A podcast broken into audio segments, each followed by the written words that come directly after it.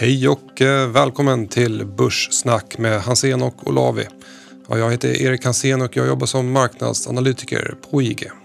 Och jag heter Jonas Olavi, är styrelseproffs, trader och idag är jag skatare. För jag tog skateboarden hit till eh, podden. Jag antar att det är en eldriven sådan. Ja, det är det. Jag orkar inte staka mig framåt. Ja, det är härligt. Ja, läget annars då Jonas? Ja, men det är bra. Det har varit eh, intensiva dagar på börsen. Det har varit eh, kul. Rapportperioden börjar komma igång så att äntligen får vi lite information och slipper sitta och gissa. Mm. Aktierna eller bolagen kommer skaka hand med verkligheten efter en eh, stark uppgång här senaste tiden. Ja, idag då så har vi kommit till avsnitt eh, 101 och eh, vi spelar in torsdagen den 15 oktober. Eh, Börssnack är ju då en podd från min arbetsgivare eh, IG, eh, global tradingmäklare. Är man aktiv kund på IG så får man bland annat eh, mitt eh, morgonbrev med massa matnyttigt eh, material. Jag har skrivit morgonrapporter nu i över 13 år. Det är lång tid. Då kan du mycket om eh, vad som har hänt och händer. Eh, Jag kan passa på att nämna också att eh, är man premiumkund på IG så får man tillgång till lite exklusiva webbinar. Premiumkundsansvariga Erik Lindén och Adam Dahlberg kommer köra webbinar eh, om ett par veckor tillsammans med Eka Lundin, Mikrit, Rickard Paulsen och eh, Alex Lan. Eh, som, eh, de, de kommer skicka ut eh, inbjudan till, till sina kunder. Då. Eh, och, gå in på ig.com för att läsa mer om oss. Och glöm inte att all handel innebär såklart risk, så läs på ordentligt. Jonas, vad ska vi prata om idag? Ja, vi ska prata om börsen eh, såklart. Och eh, vi har också en del eh, observationer kring rapportperioden. Du ska förklara vad Doe Theory är för någonting. Det tycker jag låter lite spännande. Sen kommer vi titta på USA-valet och dess möjliga utfall. För det finns ju några olika möjligheter här. Och sen så kommer vi prata olja, oljemarknaden och sen har vi med oss några case. Men det slutar inte där. Vi har också med oss en väldigt spännande gäst idag. Det har vi och det är ingen mindre än Torbjörn Ivarsson. En riktig råvaruguru. Eh, Jag har följt hans jobb i många år. Jag brukar läsa hans eh, veckobrev eh, på Handelsbanken där för, för tio år sedan. Det är superkul att han, är med oss idag då. Så jag tycker vi bjuder in honom till podden. Det gör vi. Varmt välkommen till uh, Börssnack eh, Torbjörn. Jättekul att du är med oss. Eh, jag har ju tjatat på dig länge att vara med i Börssnack så det är jättekul att du är här. Hur är läget? Jo, det är alla tiders faktiskt. Jag och Jonas brukar alltid köra fem snabba frågor. Eh, Jonas, börjar du? Absolut. Ska man köpa guld eller indexfond på sex månaders sikt? Jag tror att man ska köpa guld. All right. Eh, vilken råvara tror du har störst eh, potential på eh, ett års sikt? Ah, jag skulle, det, olja är ju liksom ändå en konjunkturråvara så där som eh, på ett års sikt så tror jag att den fortsätter sin återhämtning även om det så att säga går trögt. Men jag tror också att, att guld eh, den första delen av det året då kan gå ganska bra. Om vi tittar på presidentvalet, är det ett viktigt event eller till och med ett icke-event för råvarumarknaden? Nej, men det är ganska viktigt och, och särskilt för, för guld och olja kanske. Uh, för det ser ju ändå ut som om, om uh, Demokraterna kommer att vinna presidentvalet och uh, sen är det väl oklart om de kommer att ta senaten eller, eller inte. Men representanthuset har de ju. Och det blir ju inget stimulanspaket innan presidentvalet. Det är ganska hög Eh, säkerhet på, på det påståendet. Men däremot så kan det ju komma under det första halvåret ett ganska st- stort eh, stimulanspaket och det har påverkan på räntor, och inflationsförväntningar och dollarkurs och, och efterfrågan på saker och ting och sådär. Så att det på, visst påverkar det efterfrågan på råvaror och, och eh, inflationsförväntningar och räntor och så. Hur är intresset för eh, råvarumarknaden i finans-Sverige? Eh, en skala mellan 1 till 10. Ja, jag skulle säga någonstans mellan ett och två då. Okej. Om du fick välja en eh, råvara som ledande indikator för konjunkturen, vilken väljer du att titta på då? Ja, det finns egentligen ingen, för råvaror är ganska pang på konjunkturen så de är inte ledande på något sätt. Om, jag förstår att du är ute och fiskar efter Dr. Koppar här som man liksom kanske för 50-70 år sedan ansåg var någon slags ledande indikator. Och det, det, kanske den, det kanske den är, men, men mer då för konjunkturen i såna industritunga länder som Kina till exempel. Och eh, eftersom det då är Kina så metall, industrimetaller är också ett sätt för dem att komma åt dollar och, och, och det är också en mätare på, på hur mycket likviditet det finns i Kina och hur mycket de köper, de köper koppar och kan få tag på dollar så att säga. Så, så det, behöver inte, det kan också vara en finansiell indikator. Så. Men om det är någon ledande indikator för, för efterfrågan, om man tänker sig monetär stimulans, så brukar en expansion av penningmängden leda till ett högre pris på guld därför att guld är på något sätt också pengar. Så att, eh, om man då tänker sig att de här stimulanserna faktiskt har någon effekt på efterfrågan så då blir en, eh, en monetär expansion blir en uppgång i guldpriset och då blir det en ledande indikator för för den konjunkturuppgång som, som åtminstone centralbankirerna hoppas ska komma. Så då guld då skulle jag säga. Mm, kanon. Då kör vi. Då kör vi.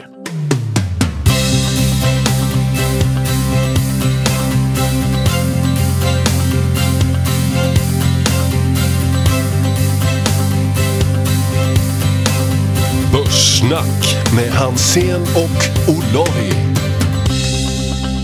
Ja, Jonas, de ledande aktiemarknaderna inledde veckan eh, var lite kortsiktigt överköpta där. Eh, nu har marknaden eh, börjat vädra ur lite överköpthet genom att ta en paus i uppgången. Marknader som är kortsiktigt överköpta brukar ha en tendens att ja, bli lite känsligare för, för negativa nyheter. Vi har fortsatt lite osäkerhet kring stimulanspaketet. Vi har inte kommit så mycket längre när det kommer till vaccinet. Uh, så att det finns anledningar för att marknaden kan ta en liten paus här. Uh, men vad är din känsla? Ja, jag håller med dig och min erfarenhet är ju att börsen brukar stärkas inför rapportperioder. Och det är ju precis vad som har hänt. Och när jag sitter och tittar mm, på aktiemarknaden och på enskilda bolag så har jag lite svårare just nu, idag, att hitta bra setups. Mycket har gått och ehm, de aktier som doggar, de är ju inte intresserade av ändå.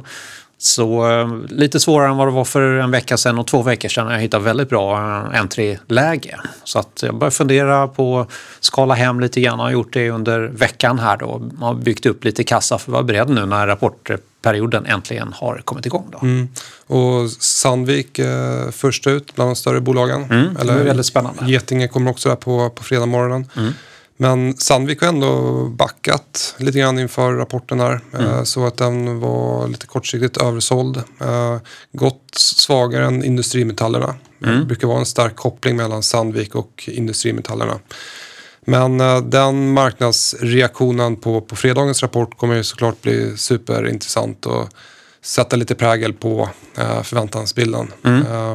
Om man kollar på förväntningarna enligt uh, Refinitiv, uh, tidigare Thomson Reuters, så väntar sig marknaden att uh, vinsterna på, på Stockholmsbörsen kommer falla med drygt 15 procent under Q3 jämfört med Q3 förra året. Då. Mm.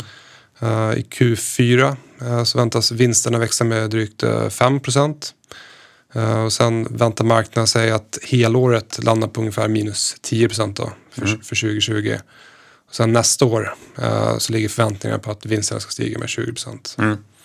Är det här rimliga förväntningar eller tror du att uh, analytikerna uh, är lite försiktiga eller lite för optimistiska? Ja, lite försiktiga är de och när man ser de här omvända vinstvarningarna så är det ganska gamla estimat som man refererar till. Det kan vara i augusti mm. och så vidare.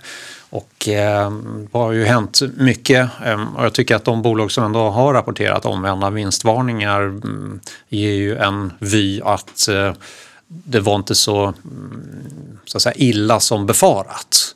Sen är det ju inte så att um, försäljningen skjuter fart i, i, så många bolag utan det är ju snarare att de räddar vinsten och det har man gjort genom kostnadsanpassningar. Mm. Um, men även att en del av efterfrågan har kommit tillbaka. Det har vi ju sett i uh, liksom, ja, fordonsindustrin börjar repa mod och flera andra uh, så att säga, sektorer där det inte har sett så illa ut som, som mm. man kunde tro där när det blev total nedstängning. Mm. Ja, men bolagen är ju väldigt bra på att uh, dra ner kostnaderna.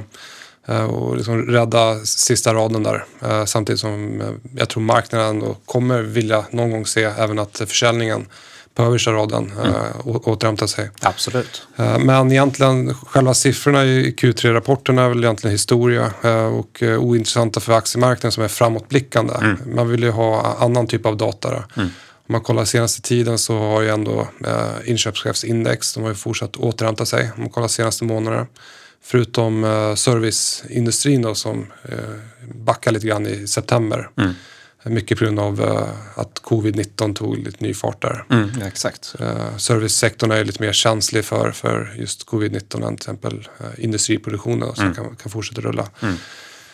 Men det blir såklart väldigt intressant. Det jag kollar på mycket det är kursreaktionerna på rapporterna. Mm. För att se, just för att aktier som stiger på, på rapportdagen brukar ha en tendens att visa relativ styrka mot index framöver då, till nästa kvartal. Mm. Uh, kallas ju för Post Earnings Announcement Drift. Mm. Uh, och där kan man också kolla aggregerat för, för liksom hela börsen. Uh, hur, hur, bolagen då samlat, hur, de reagerar på, på rapporterna. Är, är det så att vi under inledningen av rapportperioden får en eh, klar majoritet av positiva rapportreaktioner då skickar det signaler till mig att eh, börsen vill eh, fortsätta uppåt. Mm. Ja, men det är intressant och det här är ju en viktig faktor i momentumbyggande mm. modeller.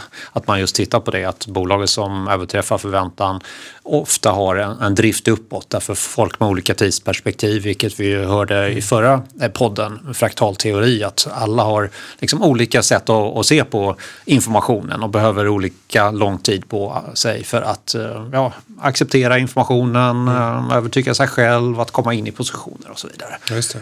Så det är väldigt viktigt och eh, jag kommer såklart att fokusera på eh, de som kommer med överraskningar på rapporterna. Ehm, sen är jag lite förvånad att det inte har varit fler omvända vinstvarningar därför att även om bolagen själv ehm, vägrar ge någon eh, guidning så är det ändå så att är man ett börsbolag med analytiker som bevakar bolaget då finns det en förväntansbild i marknaden och det, då blir det ju den man ska förhålla sig till. Mm. Så att det känns som det borde ha kommit ännu fler tycker jag. Mm. Men det kanske kommer här successivt då. Mm. Så, så, så du bankrapporterna från USA igår?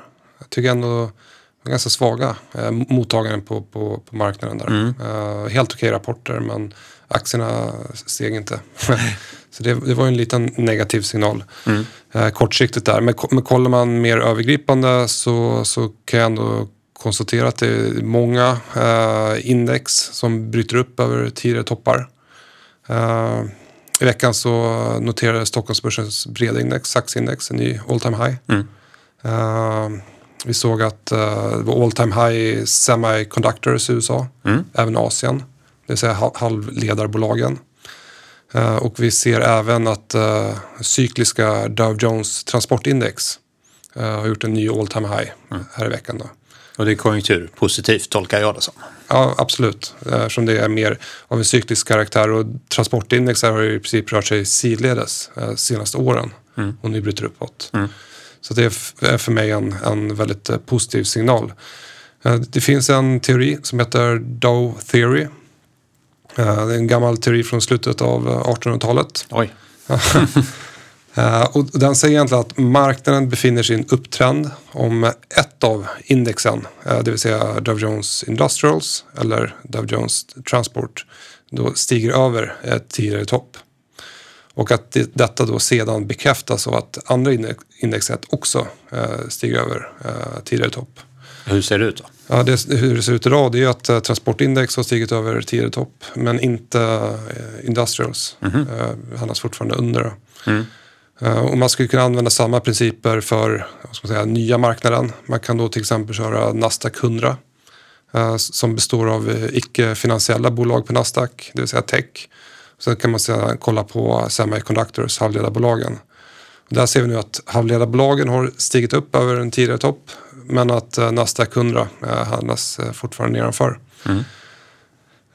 Men de marknader som jag kollar på, förutom alla ledande börser, det är då det är Semiconductors, det är FANG plus index, eh, transportindex, High Yield USA, eh, koppar och timmerpriset. Mm. För, då får jag en liksom, bra övergripande bild av styrkan i marknaden. Mm.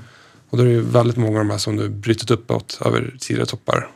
vilket jag ser som positivt ur ett liksom, marknadsperspektiv. Mm. Du nämner um, transportindex och jag har noterat att många av de här transportaktierna har gått väldigt starkt. Mm. Danska DSV, Maersk har gått bra.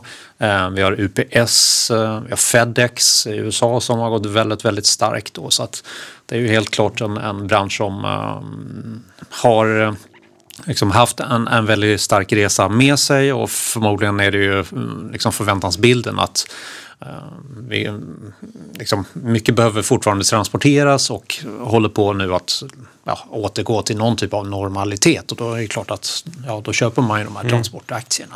Exakt. Så väldigt fina trender då. De börjar ju egentligen i, liksom, ja, innan sommaren då att uh, trenda på uppåt. Då. Ja. Och specifikt just uh, leveransjätten Fedex uh, som du nämner. Den är ju en väldigt bra ledande indikator mm. på just globala handeln. Mm. Man kan lägga en graf på den aktien tillsammans med ett ISM-index, inköpschefsindex. Och då brukar man se att den brukar faktiskt leda ISM. Då. Mm.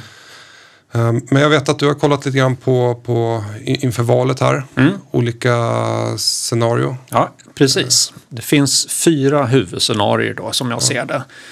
Och egentligen skulle det kunna vara ett till då. Men varken jag eller marknaden tror ju att eh, Demokraterna kommer tappa representanthuset. Så då kan man liksom stryka den eh, och då blir det mm. fyra stycken kvar då. Och eh, då är det så att eh, Trump kan vinna eh, och behålla majoriteten i senaten. Biden vinner men tar inte senaten.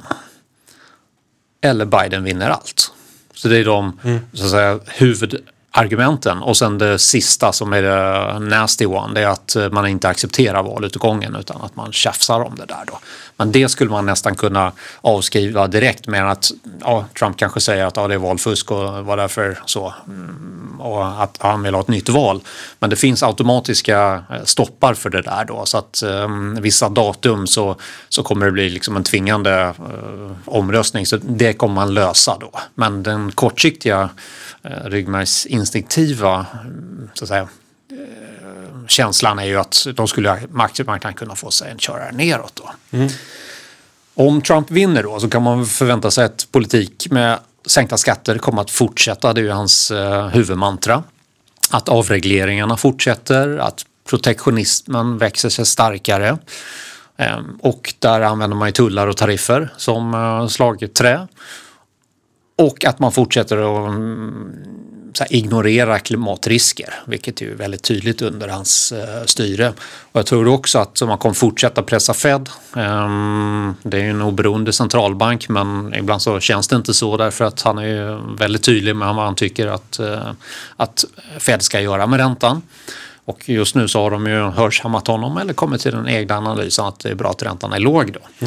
Mm. Um, Sen kan man ju också räkna med att eh, USAs militära närvaro utomlands kommer att minska och det här får lite så negativa eh, effekter på, på lite sikt. Då.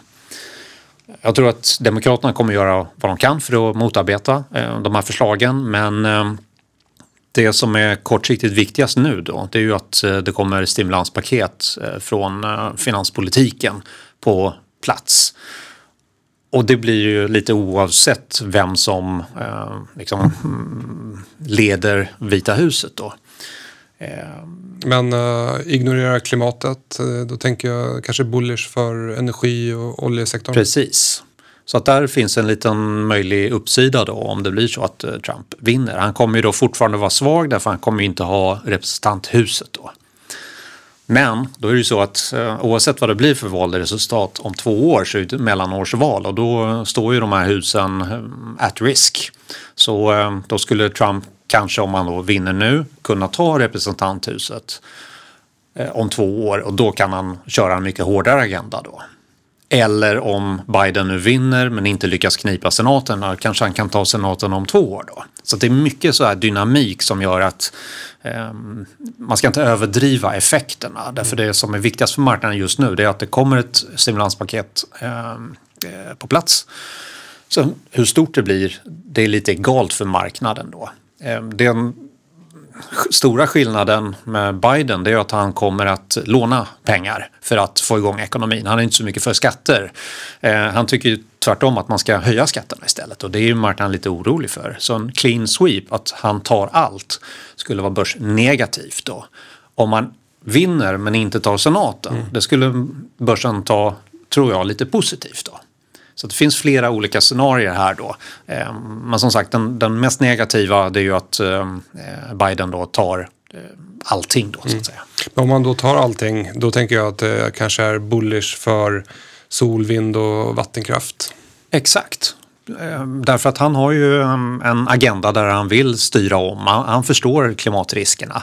Det kommer också vara så att fordonsindustrin kommer gynnas. Därför han vill ju att man ställer om till eldrivna bilar. Så det kommer vara stora, ehm, så att säga, mycket pengar kommer röra sig mot de sektorerna. Vi har ju underleverantörer som säkert kommer gynnas, även svenska sådana som levererar till eh, globala spelare, då, amerikanska specifikt. Då. Ehm, Sen kan man ju fundera då, ja, vad händer med techbolagen här då? Det pågår ju ett antal utredningar, vi pratade om det i förra podden då, som kan vara klart negativa då. Men vad techbolagen har gjort det är att övervägande andelen av fangbolagen, de stödjer ju Biden. Mm. Så det känns ju lite elakt av honom att komma tillbaka med släggan och, och, dela upp de här bolagen, vilket ju är det som är huvudtemat då. Så det kanske inte blir så farligt. Men man skulle kunna tänka sig att det skulle vara negativt eh, därför att med en totalseger så är det många som räknar med att eh, räntorna skulle börja stiga och det är ju negativt då utifrån ett värderingsperspektiv med techbolagen. Då. Precis, så för techbolagen skulle det vara bättre så för en Trump-vinst. Ja, precis. Ja. Vet du vilka de eh, största frågorna är för väljarna i USA? Um, pandemin ligger högt ja. och um, jobb och sysselsättning ja. tror jag är de som... Jag, jag såg, jag var lite med eh, Peter Gide, han håller på med, det har kommit en dokumentärserie. Mm. Jag tror den sänds på Viaplay som jag tänkte se här i, i helgen. Då. Uh, men där var, tog upp de tre största frågorna. Det var nämligen religion, eh, abort och vapen. Okej. Okay. Mm. Som är de största frågorna mm. i USA. Mm. Eh, så jag tänkte faktiskt se den där dokumentärserien. Eh, det verkar jättebra. Intressant. Ja, dagens tema det är lite grann eh, råvaror. Mm. Jag vet att du har eh, analyserat oljan. Ja, precis. Den har ju legat ganska eh, stilla här nu och i ett smalt konsolideringsband. Då. Och det är ju rätt intressant. Någonting kommer ju hända, förmodligen på uppsidan snarare än på nedsidan då.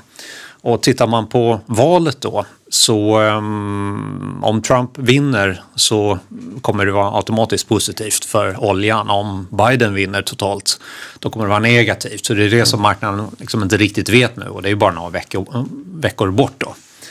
Um, men säg att uh, Trump vinner Ja, då kanske han lyckas få till the beautiful deal med Iran. Vad händer då? Iran är ju inte med på världsmarknaden längre. Då kommer de komma tillbaka till sin produktion då. Och de har ju tappat två miljoner fat eh, i produktion då. För att de inte får lov att, sälja det här då.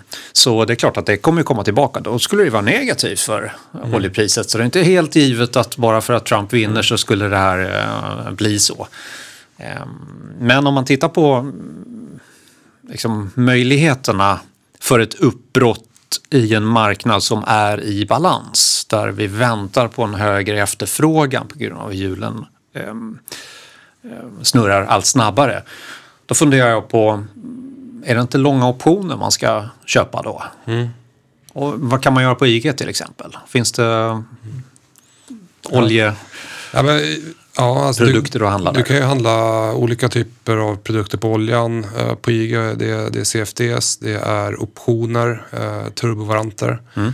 Eh, optioner kan du till exempel handla, du kan köpa calls, köpa optioner, mm. out of money. och det kan ju vara då ett kostnadseffektivt sätt att få den exponeringen mot oljepriset. Just det. Det kan ju, kan ju ses som en hedge också med tanke på att om oljan skulle spika uppåt så kan det också bli, det brukar också slå negativt på aktiemarknaden. Mm. Uh, Absolut. man vill hedga sig. Och sen så ligger vi ganska nära tillkännagivande av den första så att säga, vaccinkandidaten som har klarat sin eh, tredje fas. Då. Och då har vi ett vaccin på plats och då kommer ju hjulen snurra mycket, mycket snabbare. Så att om man då tittar på liksom kursen då, den ligger kring 40 dollar fatet om man tittar på Brenten. Mm. Ja, om man ska komma åt den marknaden och ta den möjligheten då kanske man ska köpa så, så långa optioner, mm. alltså långt bort som möjligt då och så bara sitta och vänta på det då. Jag har inte gjort det själv men det skulle kunna vara en, ett sätt att angripa marknaden. Här. Ja, för då behöver man inte binda upp så mycket kapital. Nej. Har du någon uh, aktieobservation med dig idag? Ja, absolut. Mm. Och det är ett uh, spelbolag och det är Betsson faktiskt. Mm. Därför att uh, sektorkollegan Kindred kom med en omvänd vinstvarning och nu sitter jag och väntar på att Betsson också ska komma med det. Mm. Det behöver inte vara så och det är ju det här med förväntansbilden. Det är ju det de ska förhålla sig till. Men när jag tittar på Q2 på Betsson så var det ju en stark rapport och vad Pontus, vdn, sa där då eh, var ju att inledningen på tredje kvartalet var väldigt, väldigt stark. Det var ju i och för sig bara ett par veckor som man hade att referera till men, men eh, det var 35 procent bättre fart i affärerna. Och eh, när jag tittar på Kindred mm, så kan man ju också göra den genomläsningen till eh, Betsson och Betsson kommer med sin rapport nästa fredag, som en vecka. Eh, det blir väldigt intressant att, se om de dels hinner komma med en, eh, om en vinstvarning och eller om de då slår marknadens förväntningar. Men med tanke på att de då var väldigt positiva i mm, argumentationen och eh, dialogen med marknaden i Q2 så alltså ligger förmodligen förväntningarna på att mm. det ska bli ett bra resultat. Men lite spännande. Aktien har faktiskt rört sig sidledes som ligger och konsoliderar och eh, har gjort så sedan i somras. Mm. Så här skulle det kunna vara ett, eh, lite möjlighet då. Mm. Mellan 63 kronor och drygt 75 kronor. Där. Mm. Intressant. Har du någon observation? Ja, men jag, jag nämnde i veckan eh, i en av morgonrapporterna Heba, eh, fastighetsbolaget, ja, eh, som rekylerar tillbaka. Mm. Det, här, det här är ett bolag som eh, eh, finns med i min momentummodell, eh, högt rankad där. Då, så att när jag brukar se de här bolagen eh, rekylera tillbaka lite grann och bli kortsiktigt översålda, då blir jag alltid lite intresserad. Eh, men det här är då, ja, fastighetssektorn som helhet är ju en sektor som har vaknat till liv under hösten eh, efter att ha liksom laggat sen eh, börsbotten där i slutet på mars finns ju såklart bra argument för att vara kanske lite mer försiktig mot eh, handelsfastigheter, eh, köpcentrum, kanske kontor. Men jag tycker det är svårare att vara negativ till industrilogistik, hyresbostäder eller samhällsfastigheter. Då. Och Heba det är ett bolag som sysslar med hyresbostäder. Äger hyresrätter i Stockholm och har börjat expandera inom hyresrätter.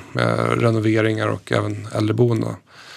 Så att äh, aktien den äh, rekylerar tillbaka här. Äh, stängde nedanför Bollingbandet. Mm. Samtidigt som aktien handlades ovanför 200 dagars glidande medelvärde.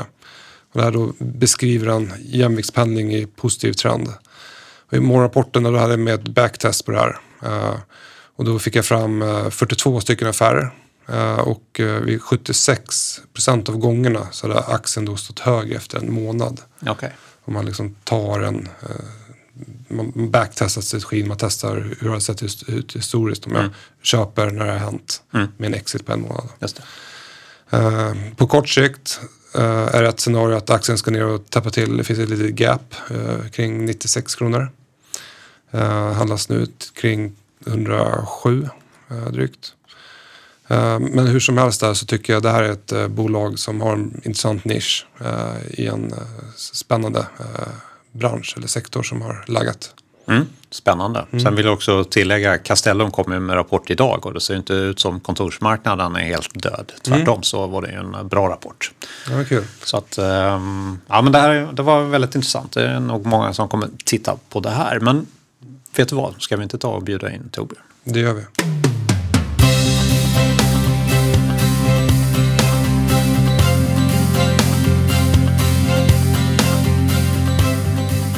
Varmt välkommen tillbaka till eh, Börssnack. Torbjörn, eh, kan inte du berätta lite grann eh, vem du är så att de som inte känner dig också lär känna dig? Tack så mycket, roligt att vara med. Ja, jag, Torbjörn Ivarsson heter jag och är råvaruförvaltare på Skandia. Och det har varit i fyra år. och tidigare i, i karriären så var jag för 20 år sedan ansvarig. åt återuppbyggde väl, byggde upp den ganska stora aktie eller derivatverksamhet som Handelsbanken hade då. Och jag var ansvarig också för aktiehandeln i Stockholm och eh, startade, tog initiativ till att starta råvaruhandeln på Handelsbanken och sen uh, flyttade gänget och byggde upp verksamheten på SEB. Mm, jag, jag kommer ihåg att jag, jag läste ditt uh, veckobrev som du skickar ut uh, via Handelsbanken. Där. Uh, det måste vara kanske tio år sedan, eller? Ja, jag skrev, började på Handelsbanken och så fortsatte det på SEB. det, var, det tog hela helgen att skriva det där. Mm. Och idag förvaltar du cirka 12 miljarder kronor. Är du den största enskilda råvaruförvaltaren i Europa? Ja, det finns ju ja, men det finns inte jättebra statistik på sånt där, men jag känner till två större förvaltare i, Europa. En som har lite mer i Schweiz och en som har lite mer i, i Holland. Men, men de är ju flera i de där förvaltarteamen. Jag tror att de är fyra i Holland till exempel. Och jag är ju helt själv, gör allt själv. Mm. Och uh, hur har det gått de senaste, senaste åren? Har du slagit uh, benchmark? Ja, vi förvaltar ju, Skandia förvaltar ju pension, folks pensioner och en del av det är placerat i råvaror och då har vi ett jämförelseindex och det har slagit med i genomsnitt 3 procentenheter de här fyra åren som jag håller på. Och eh, jag har inte haft förlust något år. Då. Hur kommer det sig att uh, du halkar in på råvaror? Ja, det är, ganska, det är många olika faktorer men, men jag var intresserad av teknisk analys när jag var väldigt ung. Och i Tek Sveriges tekniska analytikers förening så var Johan Kindberg ordförande då kring 1988 och uh, han hade startat RM Råvarumäklarna när han flyttade hem från Merrill Lynch i Holland från 70-talet. Och han pratade om, mycket om råvaror. Ja, jag jobbade extra på en teknisk analysfirma då också på sommaren och eh, jag handlade faktiskt silveroptioner någon gång 1988 eller 87 och sånt där. Mm. Och ja, sen så levde ju annat i mellantiden. Uh, ränteoptioner och aktiederivat och allt möjligt sånt. Men Eh, men, men eh, sen hur det var i all den här framgången på Handelsbanken för, för, eh, för ja, 15-20 år sedan så gick jag in i väggen. Och när jag kom tillbaka efter några månader så var jag inte chef längre. Och då frågade min chef Micke Eriksson som nu är VD på Intrum Justitia då, eh, om eh, inte jag kunde liksom göra någonting av det där med, med råvaror som jag hade velat göra. Vi handlade i princip allt, krediter. Liksom. Det var inte bara aktiederivat, det var liksom rubb men inte så mycket råvaror. Så, så då startade jag 2005, 2006 på Handelsbanken. Det var skoj. Mm. Hur har intresset, du nämnde där innan att det var ganska svagt intresse i Finanssverige för råvaror. Hur, hur, har intresset eh, utvecklats, skulle du säga, senaste tio åren? Har det, har det vuxit eller har det blivit uh, lägre, intresset för, för just råvaror? I början på, på 00-talet där så var ju Kina började utvecklas och, och efterfrågan på, på, på saker, på, liksom först på mat och sen på kläder och sen på metaller och så i det som vi kan kalla för industrialisering. Så det var ett enormt sug i en stor andel av jordens befolkning. Eh, och det var kan jag säga, Janne Häggström som var chefekonom på Handelsbanken. Han var också en av dem som såg början på den här trenden, den här, som skulle bli den här råvaruboomen. Då. Så det var också en bidragande anledning till varför vi faktiskt startade den där råvaruhandeln.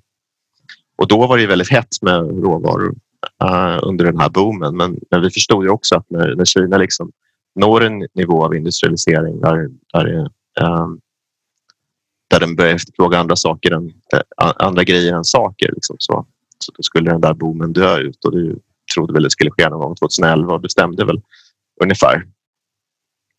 Uh, och då var det väldigt hett uh, och det var många både privatpersoner och institutioner som hade kanske 10 procent mindre institutioner som hade min, kanske 10 procent råvaror i, i sin portfölj och, och, och, hade bra stor glädje av det.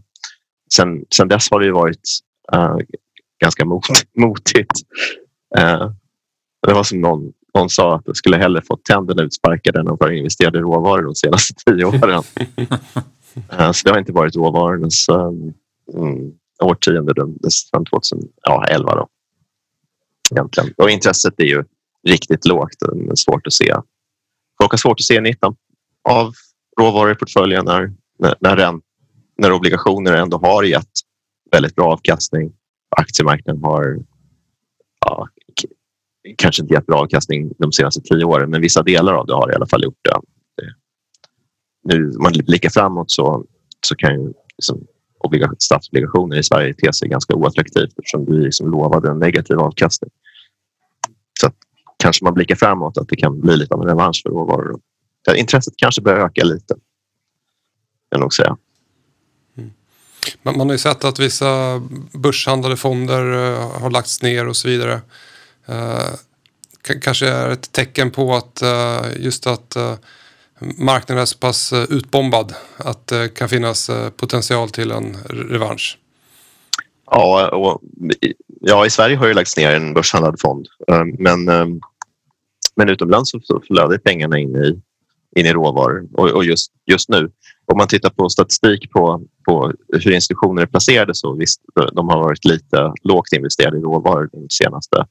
Ja, i, om vi tittar de senaste... Det har varit ett fall i den volymen de senaste uh, två åren kanske. Men att det, det är på väg uppåt igen nu då. Och om, om vi pratar om uh, hur marknaden ser ut idag. Uh, vad, vad är det största temat skulle du säga eh, på, på råvarumarknaden? Råvarumarknaden är ju inte bara eh, liksom makro eller risk på, risk av som på aktiemarknaden utan, utan jordbruksprodukter har sitt tema och, och, och olja har sitt och guld har eldmetaller har sitt och industrimetaller sitt. Så det är liksom väldigt spred. Det är väldigt olika faktorer som driver men de flesta är, är ju, pekar ju på uppgång. Uh, och liksom, man tar det kanske det viktigaste temat det är ju liksom återhämtningen på den här lågkonjunkturen. Det är väl det Uh, graden av, uh, av hastighet i den återhämtningen. Det är väl liksom det som är temat på något sätt. För det är där, det som liksom gör att oljepriset ibland går upp. Man tror att det ska gå snabbare och, och ibland gå ner. Då man tror att det ska gå långsammare. Och, och på baksidan av det myntet så är, är ju guldmyntet då, som säger så. Att om det går långsammare, ja, då ökar sannolikheten för stimulanser och, och de stimulanserna är, är inflationsdrivande eller räntesänkande. Och och då är det positivt för guldpriset. Så att, liksom, det är väl temat, liksom, takten i återhämtningen.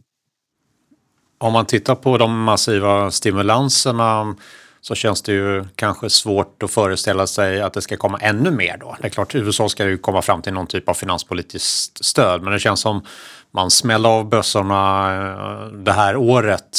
Ehm, skulle det vara negativt i så fall för guldet eller tror du att det kommer fortsätta behålla sin attraktivitet?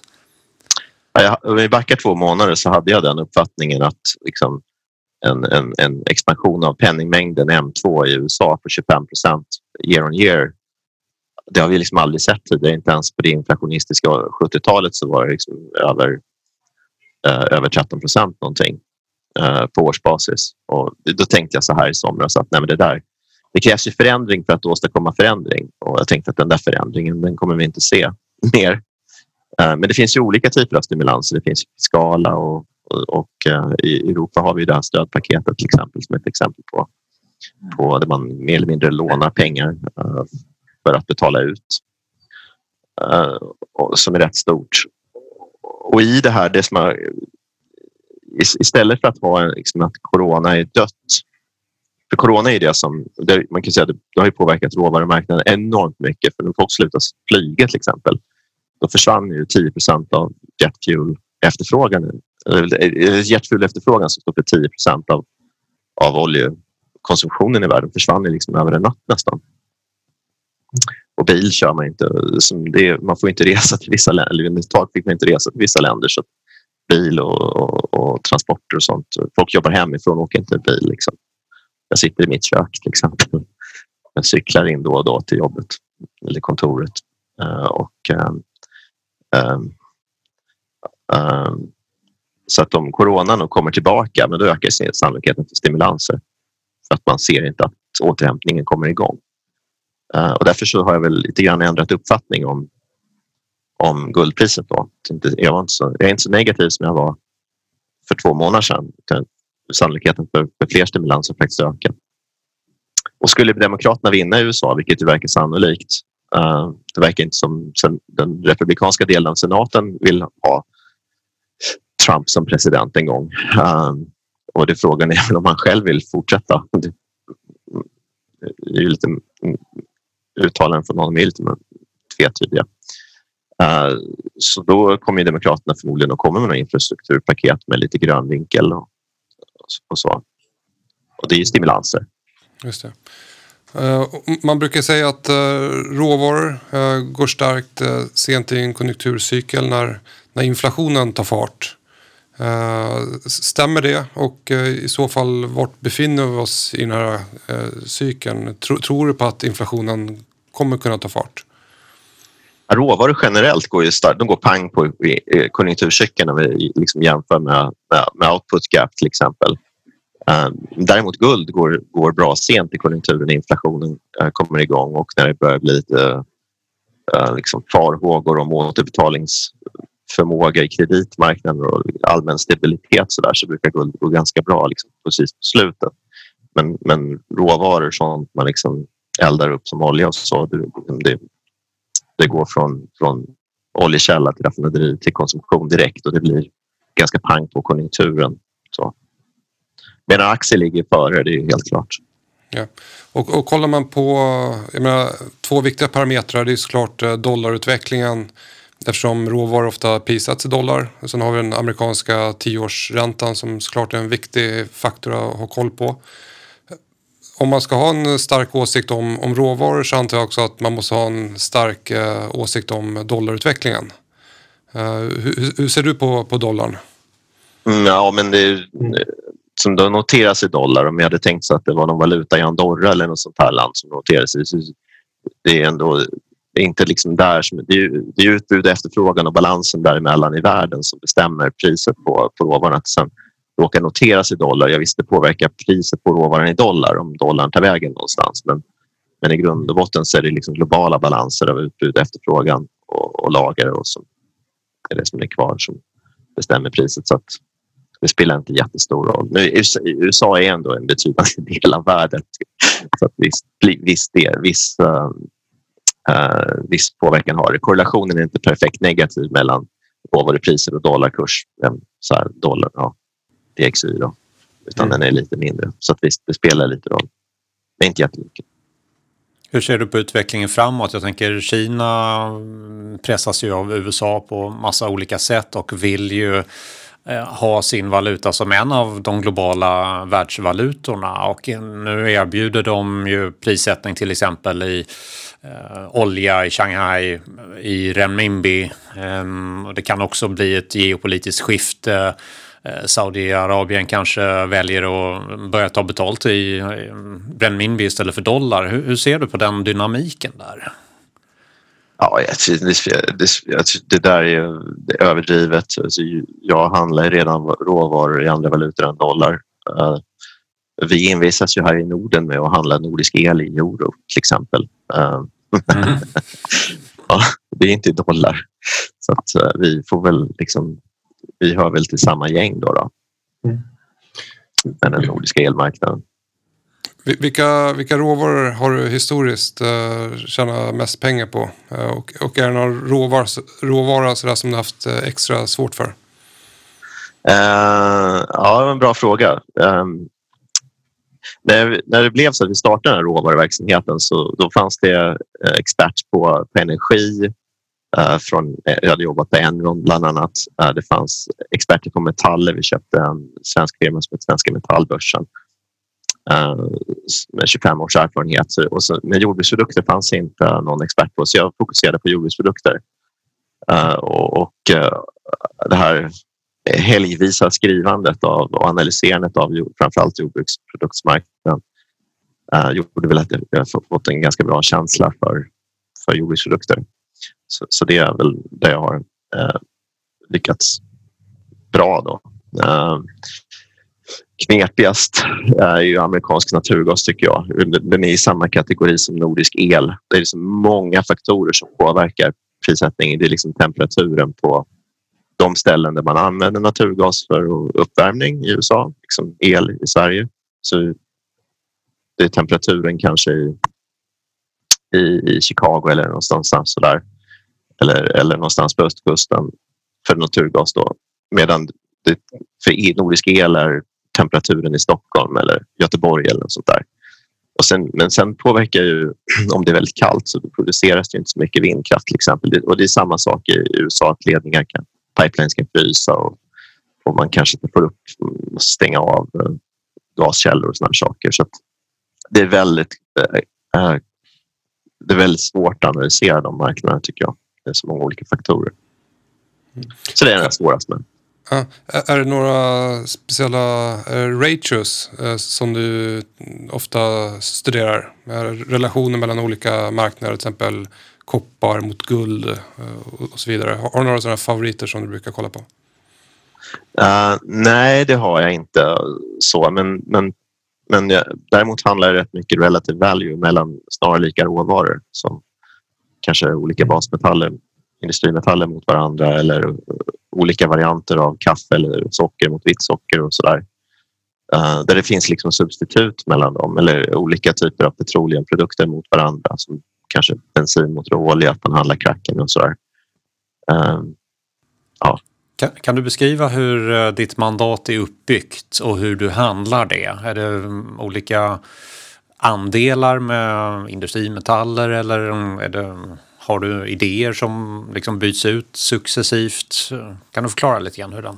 Vi, vi har ju ett, ett benchmark-index precis som man har alla institutioner har. Att man, man har ett, ett referensindex som man har någon ovanför som har bestämt att så här ska portföljen se ut och sen är det respektive förvaltares eh, uppdrag liksom att försöka prestera bättre än det. Uh, och, och, så finns det lite riskmandat kring det där. Uh, men det är liksom, i princip så. Mm. Vad har du för tillgångar? Så? Ja, det är, det är bred, bred råvarumarknadsexponering.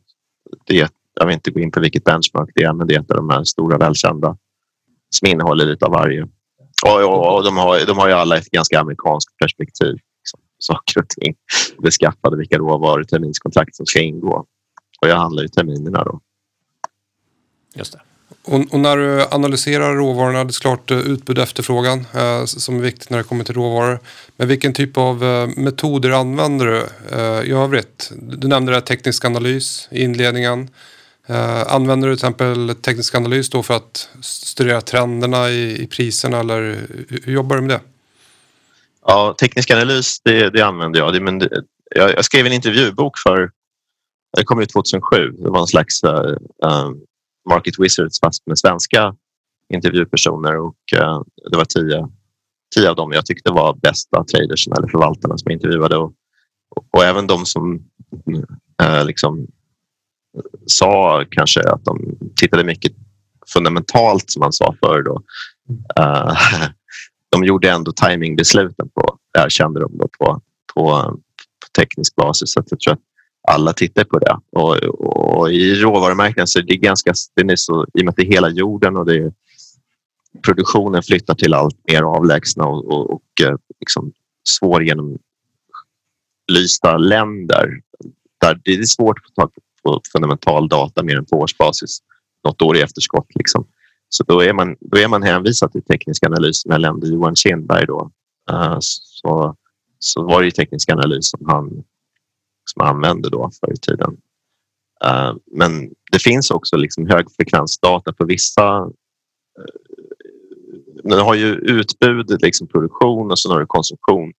De är väldigt svåra att få grepp på statistik på, men däremot finns det lagerstatistik och, och om det är produktion minus konsumtion, det blir ju lager. Liksom, så man kan studera lagerförändringarna med lite högre frekvens eh, på vissa råvaror som till exempel råolja finns det ju varje onsdag kommer lagerstatistik från USA som gäller USA. Men då är det som att stoppa in tempeln i USA. Liksom. Och så får man tänka att det är kommunicerande kärl och så får man en bild över hela marknaden. Och London Metal Exchange som ju är en av industrimetallbörserna eh, där publicerar lager varje dag.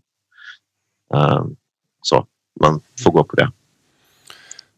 Och jag tänker på positioneringen. Eh, det är någonting som många kollar på när man kikar på råvaror.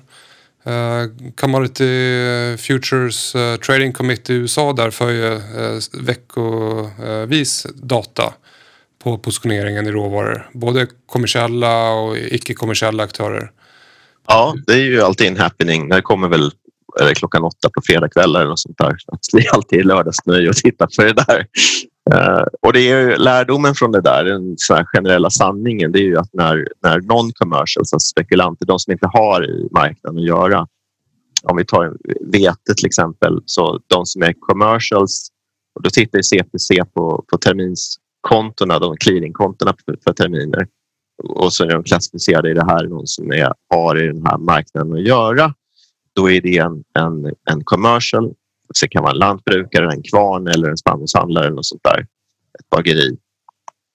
Då är de commercial och deras positioner på terminskonton de klassificeras som commercial och så summerar man det. Och då, alla de andra som inte hör dit de är då non-commercial, spekulanter.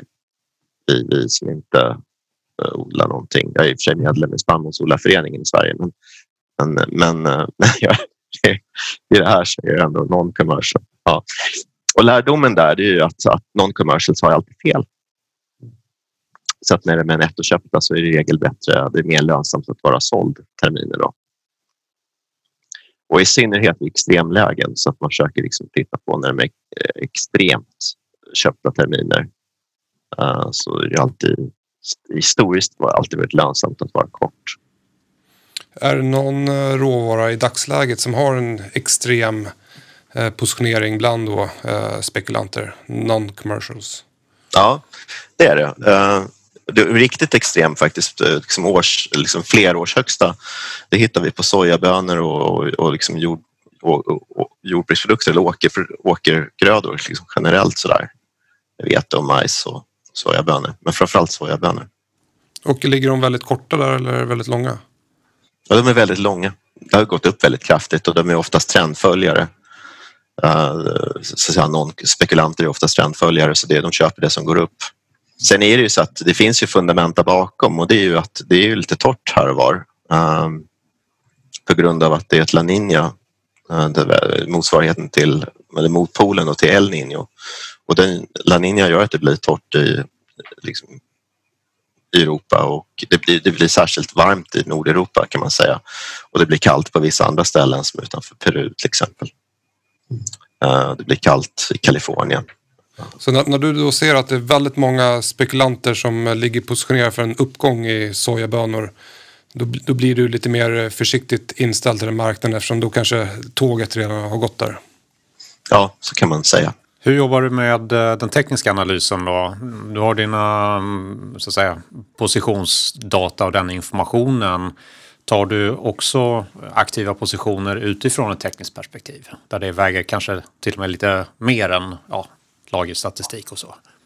Ja, det, det är, ja absolut. Jag, menar, det, jag låter som en politiker nu när jag säger att man gör en samlad bedömning. Mm. Men det är i princip vad man gör. Och det är väl så här att man, det finns ju, man kan göra olika studier på olika indikatorer och så ser man, ja men följer man den där, har man följt den där indikatorn så här historiskt, ja men då har man tjänat pengar. Men det finns ju många sådana man kan gå på och då blir det liksom ändå till slut en konstform. Det börjar som liksom vetenskap men det slutar som eh, ja, magkänsla kan man ju säga lite slarvigt då men, men konstform kanske man ska säga, man ska vara lite fin. Men det är väl magkänsla liksom sådär att man går på, det är lite teknisk analys, det är lite vad säger lagren, vad säger, ja sådär. Och tror jag på det här? Liksom, det är ja, ibland tror man på det, ibland inte. Så ofta har man ju fel. Har du några favorit-setups som du gillar att se i graferna? Det kan vara olika typer av konsolideringsformationer eller några eh, reversal eh, setups eller liknande. Är det någonting sådär i grafen som du, ja, men, när du ser det då blir du lite extra intresserad? Oj, nu kommer vi rakt in i liksom teknisk analys 90 gritty här, men jag är väl ganska mycket en sån här Edwardsen magi-person. Liksom. Uh, klassisk barchart, titta stödlinjer och så. Trendlinjer. Så. Jag försöker inte komplicera det så mycket. Sen kanske jag tittar på någon, eh, någon sån här um, överköpt översåld indikator då och då. Liksom. Typ uh, slow stochastics eller, eller något sånt där. Ja, de är väl oftast uh, bättre att använda som trendföljande indikatorer har det visat sig. Men jag tittar på dem liksom för att se när det kanske är, man har någon topp. Finns det några intressanta säsongsmönster när det kommer till råvaror? I, olika marknader, till exempel guldet. Finns olika perioder på året där guldet brukar gå starkt? Ja, tittar man historiskt så det brukar alltid skaka på, på aktiebörserna på hösten. Um, att vara lite så här skakigt av någon anledning. Och det då tenderar kanske guld att gå bra på hösten. Så, men det, man tror att man hittar ungefär samma mönster i räntemarknaden. Att eh, fixed income tenderar att gå bra på hösten. Men jag vet inte. Det, det ska ju vara en rationell marknad. Sen kan man säga så här att det är alltid lite vanskligt att gå in såld i vinterkontrakten.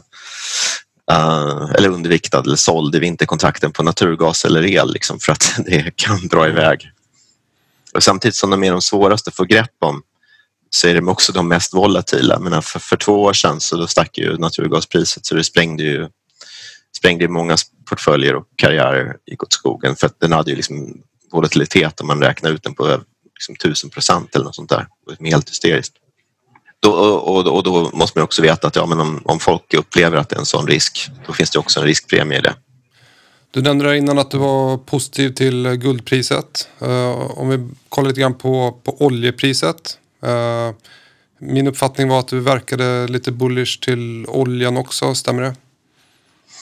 Uh, ja, jag är positiv till oljepriset men, men sen är ju där frågan hur snabb är återhämtningen? Liksom hur, I vilket datum kommer vi tillbaka till 50 dollar eller, eller 55 dollar per fat? Liksom? Uh, och eftersom oljemarknaden handl, de terminerna handlar med premium så att man liksom redan prissätter kan man säga att oljepriset ska bli högre så blir det en fråga om, om, om i vilken hastighet så att de om det kommer att gå fortare än vad terminsmarknaden redan prissätter eller om det kommer att gå långsammare. Men att spotpriset kommer att gå upp, det är väl liksom, vi är ju ändå på en, i en lågkonjunktur så att vi är inte i en högkonjunktur där oljepriset är högt. Säg att eh, Trump eh, kommer fram till en wonderful deal med eh, Iran och de kommer tillbaka till världsmarknaden. Vad, vad skulle det, den dynamiken göra för priset?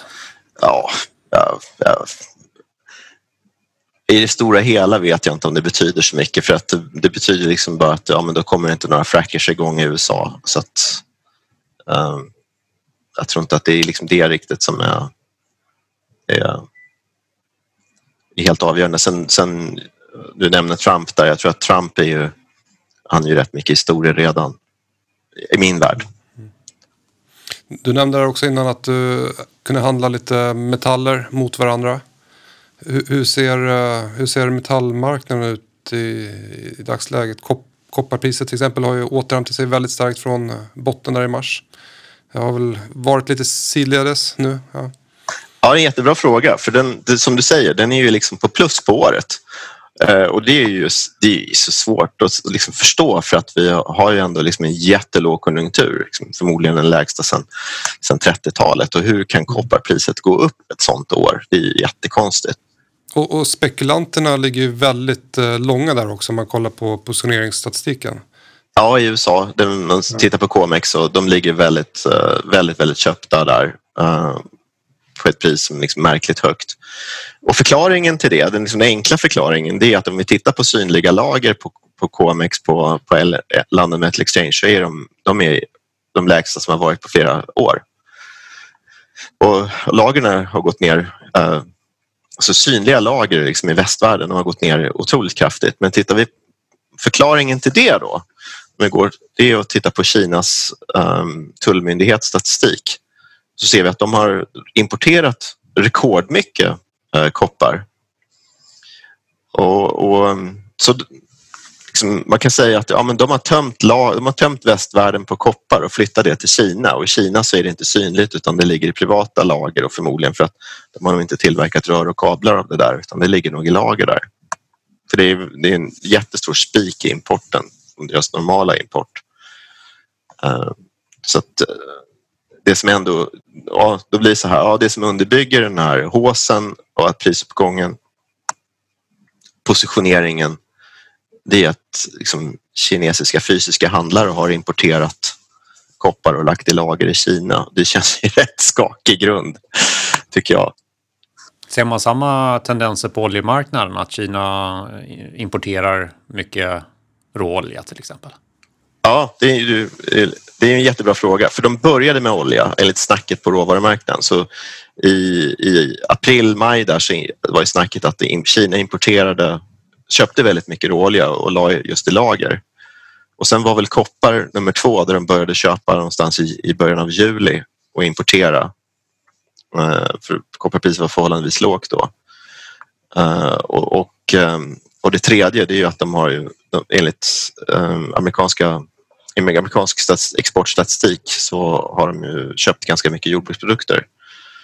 Uh, och frågan är ju så här, behöver de ha det? Hur mycket finns egentligen i lager i Kina? Det är ingen som vet.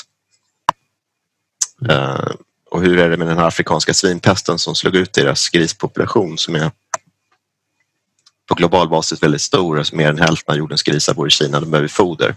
Men för två år sedan så fick de den här afrikanska svinpesten som liksom slog ut grisproduktionen och började de inte importera så mycket foder. Har, liksom, har det kommit tillbaka? Är det, har grispopulationen kommit tillbaka och de behöver foder till det eller, eller är det så att de köper i spekulativt syfte kan man säga eller säkerhetssyfte och lägger i lager?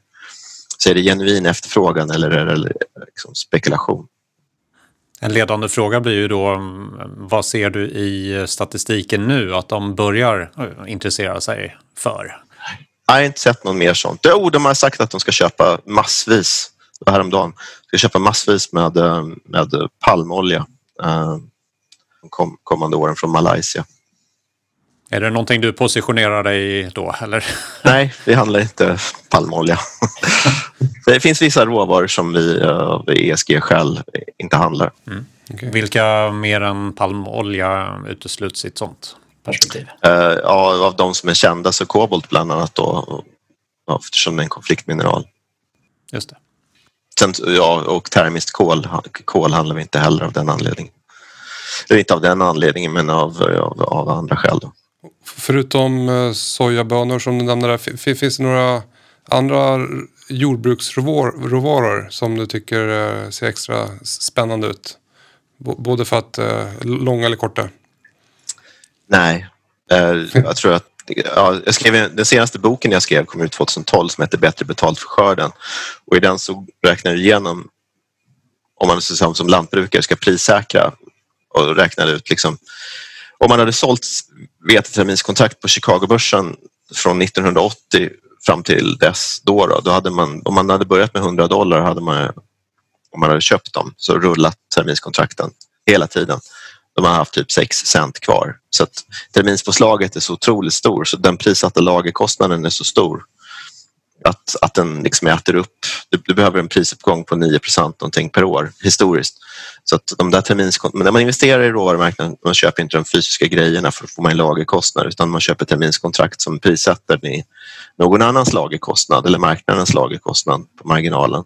Och den har varit väldigt hög i de flesta jordbruksprodukter och därför är de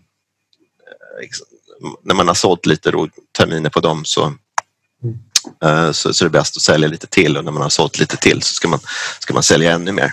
Ungefär så. Så de är spännande av den anledningen att de råkar vara förhållandevis dyra nu. Men trenden är uppåt, starkt uppåt så att man, det är lite grann som att fånga en fallande kniv fast åt andra hållet.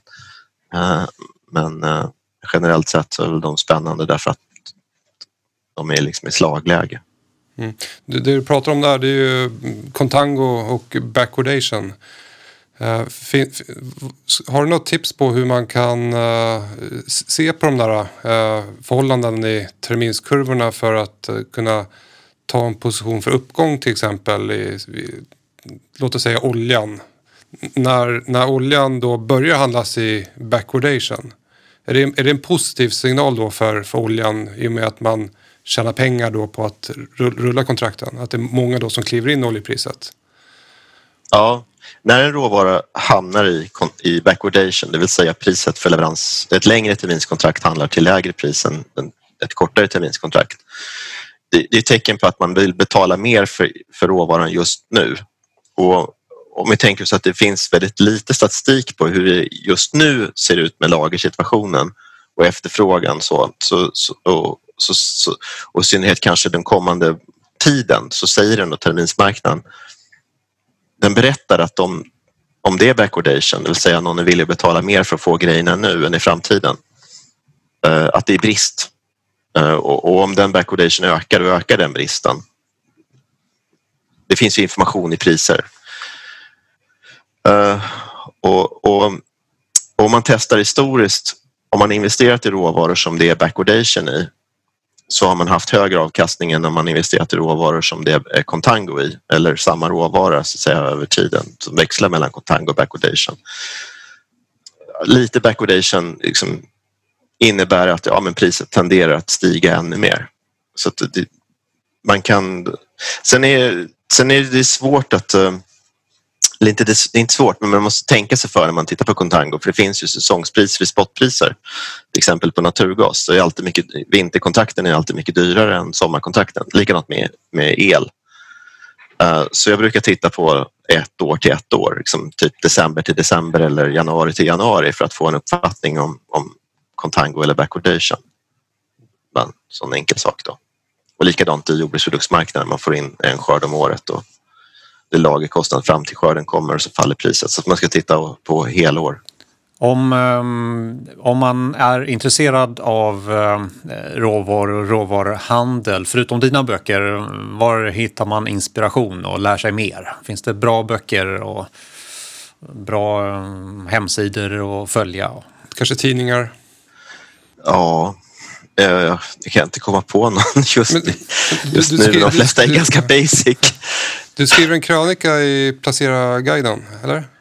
Ja, Placeringsguiden, ja. Den ja, nördiga varianten av, av, av privata affärer. Ja. Som man bara kan prenumerera på. Mm, jag har skrivit en krönika där, den kan man ju följa. Jag har inte följt upp den. Jag följde upp mina veckobrev och de var lönsamma de tio mm. åren jag skrev det men jag har inte följt upp de artiklarna om de, mina råd är lönsamma. Men Eh, där skriver jag om det och sen så för de som är mer lantbruksorienterade så skriver jag även en krönika i ATL varje månad. Det, jag, båda jag hållit på med sedan 2006-2007 någon gång. Och så finns det på Twitter också? Ja, men det är ju Twitter. det är inte ett förpliktigande. en, en avslutande fråga som vi alltid brukar eh, ställa till, till våra gäster. Eh, det är vad är för insikter idag Eh, som du önskar att du hade för till exempel tio år sedan? Oj. Uh, nej men det, jag tror att uh, det, det jag tänker på spontant är inte så mycket med marknader och så utan det, det är mer att uh, mer filosofiskt och livsupplevelser och, och, och, så att det är väl Herakleitos som sa att allting flyter. Att man eh, eh, man kan inte kliva ner i samma flod två gånger tror jag han skrev. Eller återberättades att han skrev. För att eh, det är inte samma vatten. Så det är inte, man säger historien upprepar sig men den gör ju aldrig riktigt det utan det är alltid lite annorlunda. Så att man kommer till en ny situation och tror att man kan göra exakt som man gjorde på det förra stället eller med förra traden eller ja, förra lågkonjunkturen så det är aldrig riktigt samma sak. Så, eh, det är alltid en omvandling. Jag står inför en stor omvandling i näringslivet nu där det gamla kanske måste slås ut och det tillåter vi inte att göra för vi är zombieföretag. Eh, och det nya måste liksom få, få möjlighet att suga upp de resurserna. Så att, att man ska inte inbilla sig att allt är likadant som förra gången eller som det alltid har varit, det är alltid lite annorlunda. Det är väl det. Kloka ord. Stort tack för att du gästade Börssnack. Stort tack. Mm. Tack. Trevligt att prata med er. Tack.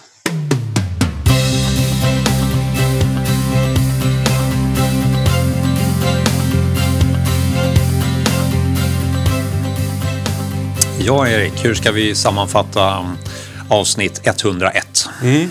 Nej, aktiemarknaden var kortsiktigt överköpta eh, i inledningen av veckan. Eh, nu har vi rekylerat tillbaka, eh, eliminerat lite grann av den överköptheten.